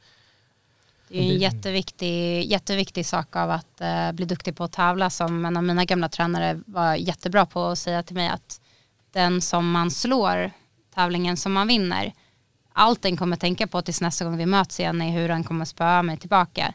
Eh, och som den som vann den förra tävlingen så måste jag ha samma driv och samma, lägga samma tid på att se till att förbättra mig själv till nästa match. Och som den som har vunnit är det svårare för att eh, den liksom naturliga inspirationen eller motivationen till att förbättra sig själv, den tillhör ju den som förlorade den förra, det förra mötet. Men det tycker jag också, just den här bästa klubbpokalen på det här SMet, vi var ju inte mindre sugna på att ha den i år för att vi fick den förra året och vi kommer verkligen inte vara mindre sugna på att ta den även nästa år. Så Och det är därför jag kommer vinna över Tommy i slutändan. För att jag förlorar. Och där har vi vårt huvudkort på Maximum Fight Night. Tommy mot. Max. Mm. Eh, nej men eh, eh, om, lite seriöst då. Eh, som Elina säger, det finns inga hemligheter. Om, om, jag kan faktiskt säga, om jag kunde bli bra på jutsu, då kan alla bli bra på jutsu. För jag var varken stark, snabb, smart, eh, teknisk, hade lätt för mig att lära mig. Jag har haft jag har haft alla liksom inlärningssvårigheter som finns. Jag, du vet, än idag om någon visar en ny teknik för mig så tar det tid för mig att förstå det. Och jag ser liksom folk som kommer in och, och prövar första gången och lyckas göra saker och så blir de frustrerade för att de eh, inte kan göra det direkt in efter sparring men de lyckas göra tekniken direkt. Och så kanske de kan göra den en vecka efter. Jag, hade all, jag kunde inte göra någonting en vecka efter. Jag, jag har haft jättesvårt att lära mig allt men jag har lagt ner tid. Och om det finns en hemlighet så är tiden och intentionen när man tränar på. Slarva, kasta inte bort din tid, det är det enda liksom viktiga. Slösa inte tid på att jogga. Nej precis. Alltså får jag, får jag bara, nu, nu, nu, nu kuttar Ja, jag av dig lite där ja. men jag, jag, jag, jag, jag har, om, man, om man räknar med MMA, jag, jag började med MMA när jag var 17 men vi kan skita i det. Jag började ordentligt när jag var 25, ganska sent. Alltid varit en hobby, sen gick jag över till jutsu. Om vi slår ihop allting så är det lite mer än sex år. Vare, alltså varenda pass så har jag lagt 20 minuter, 20-25, ibland 30 minuter på att jogga runt den där jävla mattan och göra armhävningar och Mm. uppvärmande övningar som inte främjar min teknik. Och för mig, det är så här, för mig det är en hobby, men jag har inte all tid i världen och när jag är på mattan, om jag ska bli varm, kan inte jag få göra kan inte jag få göra några leg drags och några Mm. passeringar så att jag sätter det i min lillhjärna här bak. Och jag är trött på att springa i de där cirklarna, så sorry, men eh, nu... Allt beror ju på varför man gör någonting. Ja. Okej. Förbereder du för en tuff eh, sparringssession, då är det bra att springa innan, hjula, kullerbytta och se till att man är varm så man kan köra första rundan ordentligt. Jag menar, men ska du springa runt mattan, göra räkor tio år i din, in i din träning eh, igen för att sen göra teknik i 45 minuter och sen sparras. Vad är syftet? Eh, också, alldeles för många lägger för mycket fokus på saker som inte används ändå. Alltså, du kan inte spendera ett halvår och, och liksom typ eh, escapa side control eh, och sen tro att du går ut och, och vinner ett stort mästerskap. Eh, du, du måste liksom veta vad du lägger tiden på och, och liksom, så kasta inte bort den liksom. Ja, nej, nej, för mig det uppenbarade sig för, för ganska nyligen när jag bara så här, fan jag har gjort det här i så här, sex, sex och ett halvt år, sex år. Hur många, har jag lagt ett år på att jogga runt den där mattan? Alltså när jag, liksom slog, när jag slog ut det liksom på, på all tid ehm, och sådär. Men det, det där är, det där är mi- mina egna tankar. Jag, jag, jag, har en, eh, jag har en fråga. Så, eh, nu på söndag, Vallentuna. Mm, Jag har signat upp för min första lila bältestävling vad roligt. publiken, det går nuts här. Du, du har ingen aning Max, men de, de jublar. Ehm, och jag kollade idag, idag är det torsdag när vi spelar in det här. Jag, jag brukar inte tänka så mycket på vem jag ska möta. Men jag gick in och kollade, jag har gått upp en viktklass, jag tänkte så här, vad är det för lirare här? Så ser jag ett namn där, trycker jag på det där namnet så känner jag igen den jäveln. Och jag har ju sparrats med honom en gång. Och han smashade mitt liv. Mm. Han smä- jag, jag var på hans klubb och eh, jag var blåbälte då, han var lila. Jag kan se på Smooth Comp att han har mer än dubbelt så många vinster som mig. Och han, eh, han, han, han, hade det bra med mig den där sparringrundan och nu är vi uppsignade på samma viktklass, samma bälte, samma match. Hur ska jag tänka? Jag kan ju berätta precis vad jag hade tänkt, för jag är också jätte, jätteduktig på att titta väldigt mycket på dem jag ska möta. Jag tycker det är superkul. Jag vill Så gärna om ni inte ber CM och jogga på den där mattan nu inför Vallentuna, då blir jag besviken. Det första du gör är att du gör en lång uppvärmning och springer mycket fram till tävlingen. Eh, dels så vill jag säga en sak om att titta på folks, eh, hur många vinster de har på Smoothcomp. För jag har också, jag, det är ju ganska vanligt att man lägger ut en podiumbild till exempel när man har vunnit en tävling. Eh, och om man tittar på folks, om man tittar på min eh, Instagram och mina gamla vinster i jujutsu till exempel, då kommer man ju aldrig se en bild representerad på när jag har förlorat första matchen på en tävling. Och samma sak med smoothcomp, så att när det är någon som har en massa vinster, så nu har man ju tagit bort att man inte ser deras förluster Ja, längre, eller hur? ja. Ja, vilket jag tycker är jättebra, för vi fick höra i alla fall för barnen så är det jättebra för att vi vet att det finns barn och ungdomar som är osäkra på om de vill tävla den här tävlingen för att det är någon som är jätteduktig som ska vara med i deras klass och då kommer det sabba deras record i smoothcomp och jag tror att det kanske är inte riktigt en superhälsosam syn på jujutsu-tävling som barn och att för just jujutsu har ju varit så fint att det är ingen som bryr sig när man förlorar. Man kan åka och göra hur mycket som helst och sen bara man vinner den där lilla tävlingen som man vinner så, så har man ändå slagit igenom. Eh, det är ingen som kommer liksom sitta och anteckna att ja, och sen på Danish Open gick det jättedåligt Karl utan det är liksom det är bara, bara en massa hype när det går bra. Inte för att det någonsin gått dåligt för Karl på Danish Open eller någon annan tävling. Utan, Jag har faktiskt förlorat Danish Open ja, okej. mot Ehm, Douglas.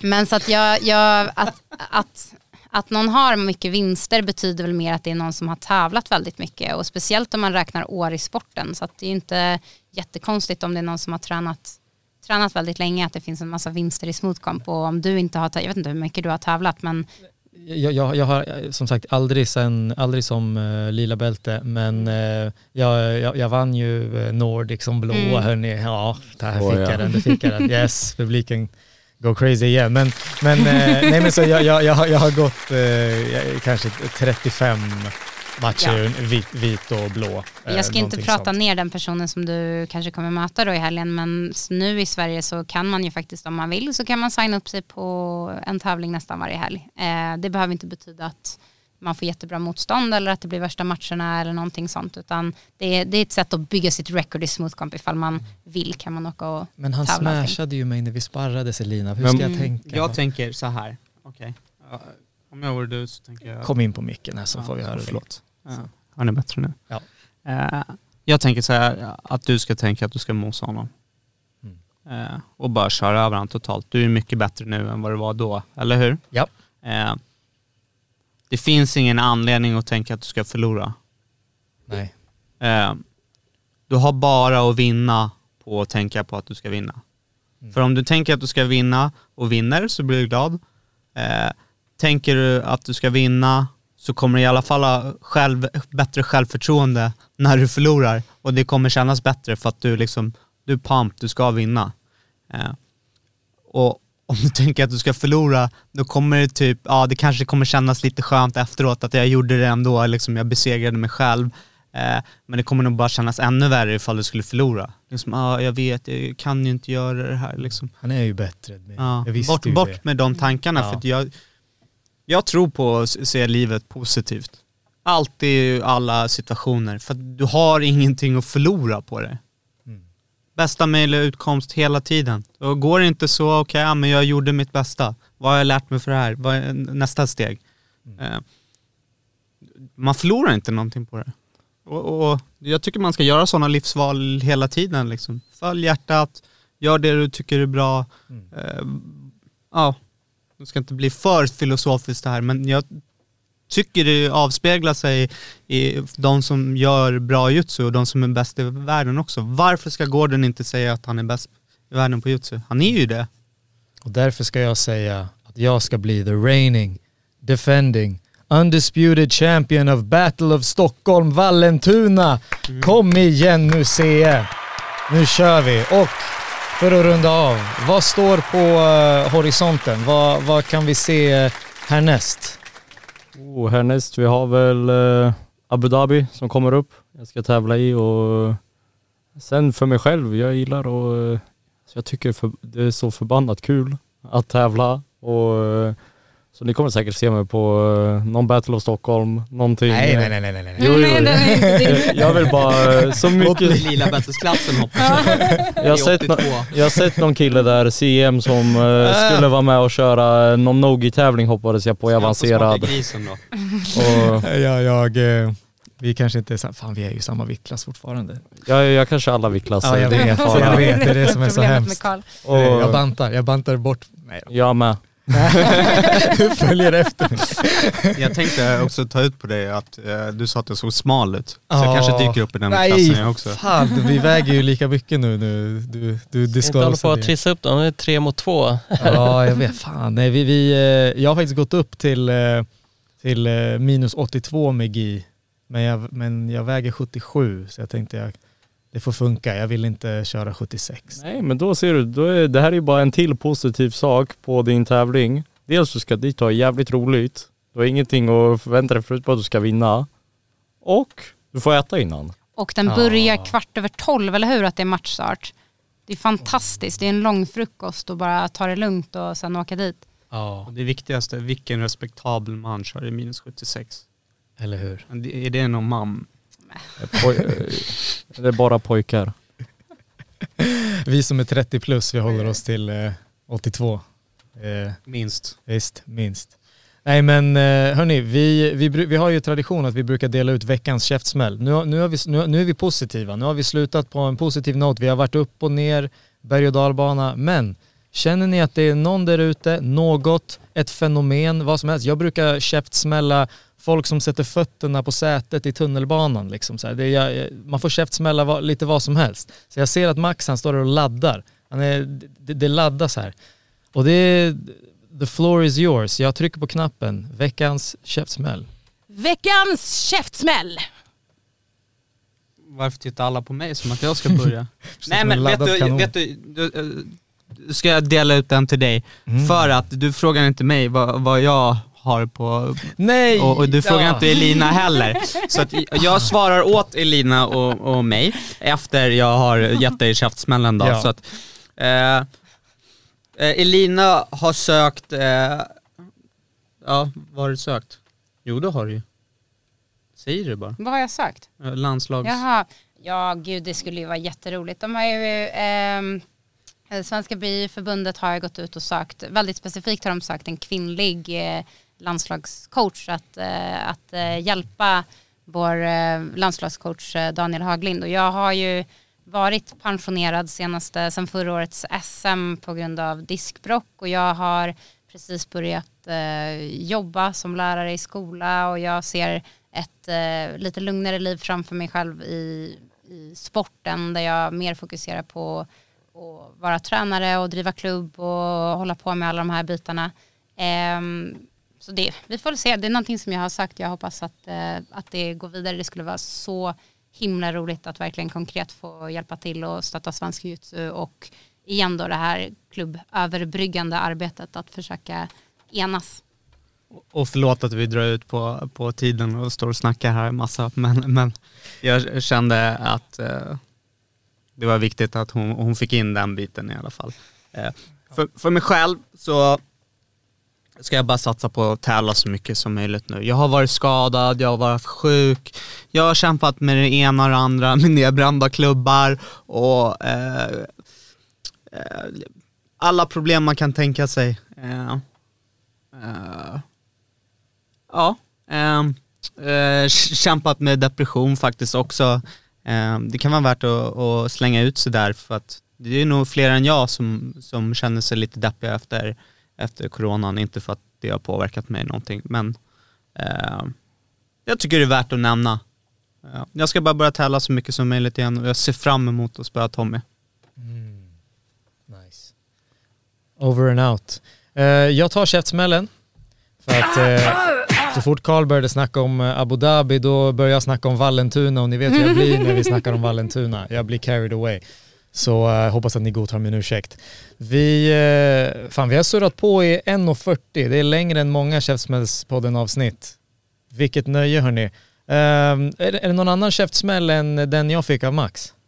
Så jag äter gärna några käftsmällar i veckan. Om det bara kom och brottas, kom och slåss just- med mig. Skulle jag kunna få dela ut en käftsmäll till både Karl och Max då för vad de gjorde mot varandra på SM? Jag tyckte att det var ganska taskigt mot En mig. dubbel. En dubbel? En dubbel. Där har vi den. Hörni, Tim, tack så jättemycket för att du kom och eh, programledde showen med mig. Det var kul, kul. Eh, 1.40, det är fan bra jobbat ändå om BI. Det är ett gäng liksom passionerade människor om en och samma sport. Så att det var väldigt kul att få prata med er och lyssna lite på vad ni tänker Mm. och tycker. Jag hoppas att vi har gjort uh, Andres, the Bossman, mer intresserad av BJJ efter detta avsnitt. För att han, han vet inte vad han sysslar med. Så han snackar om thaiboxning och allt vad det är. Jag vet inte. Fan, nej. Hörni, jättekul att ha er här. Jag ser fram emot att prata med er oftare. Jag hoppas att ni startar den där podden, Mm. det där projektet. Då kommer jag jättegärna att surra med er. Ha det bra hörni. I'd like to take this That's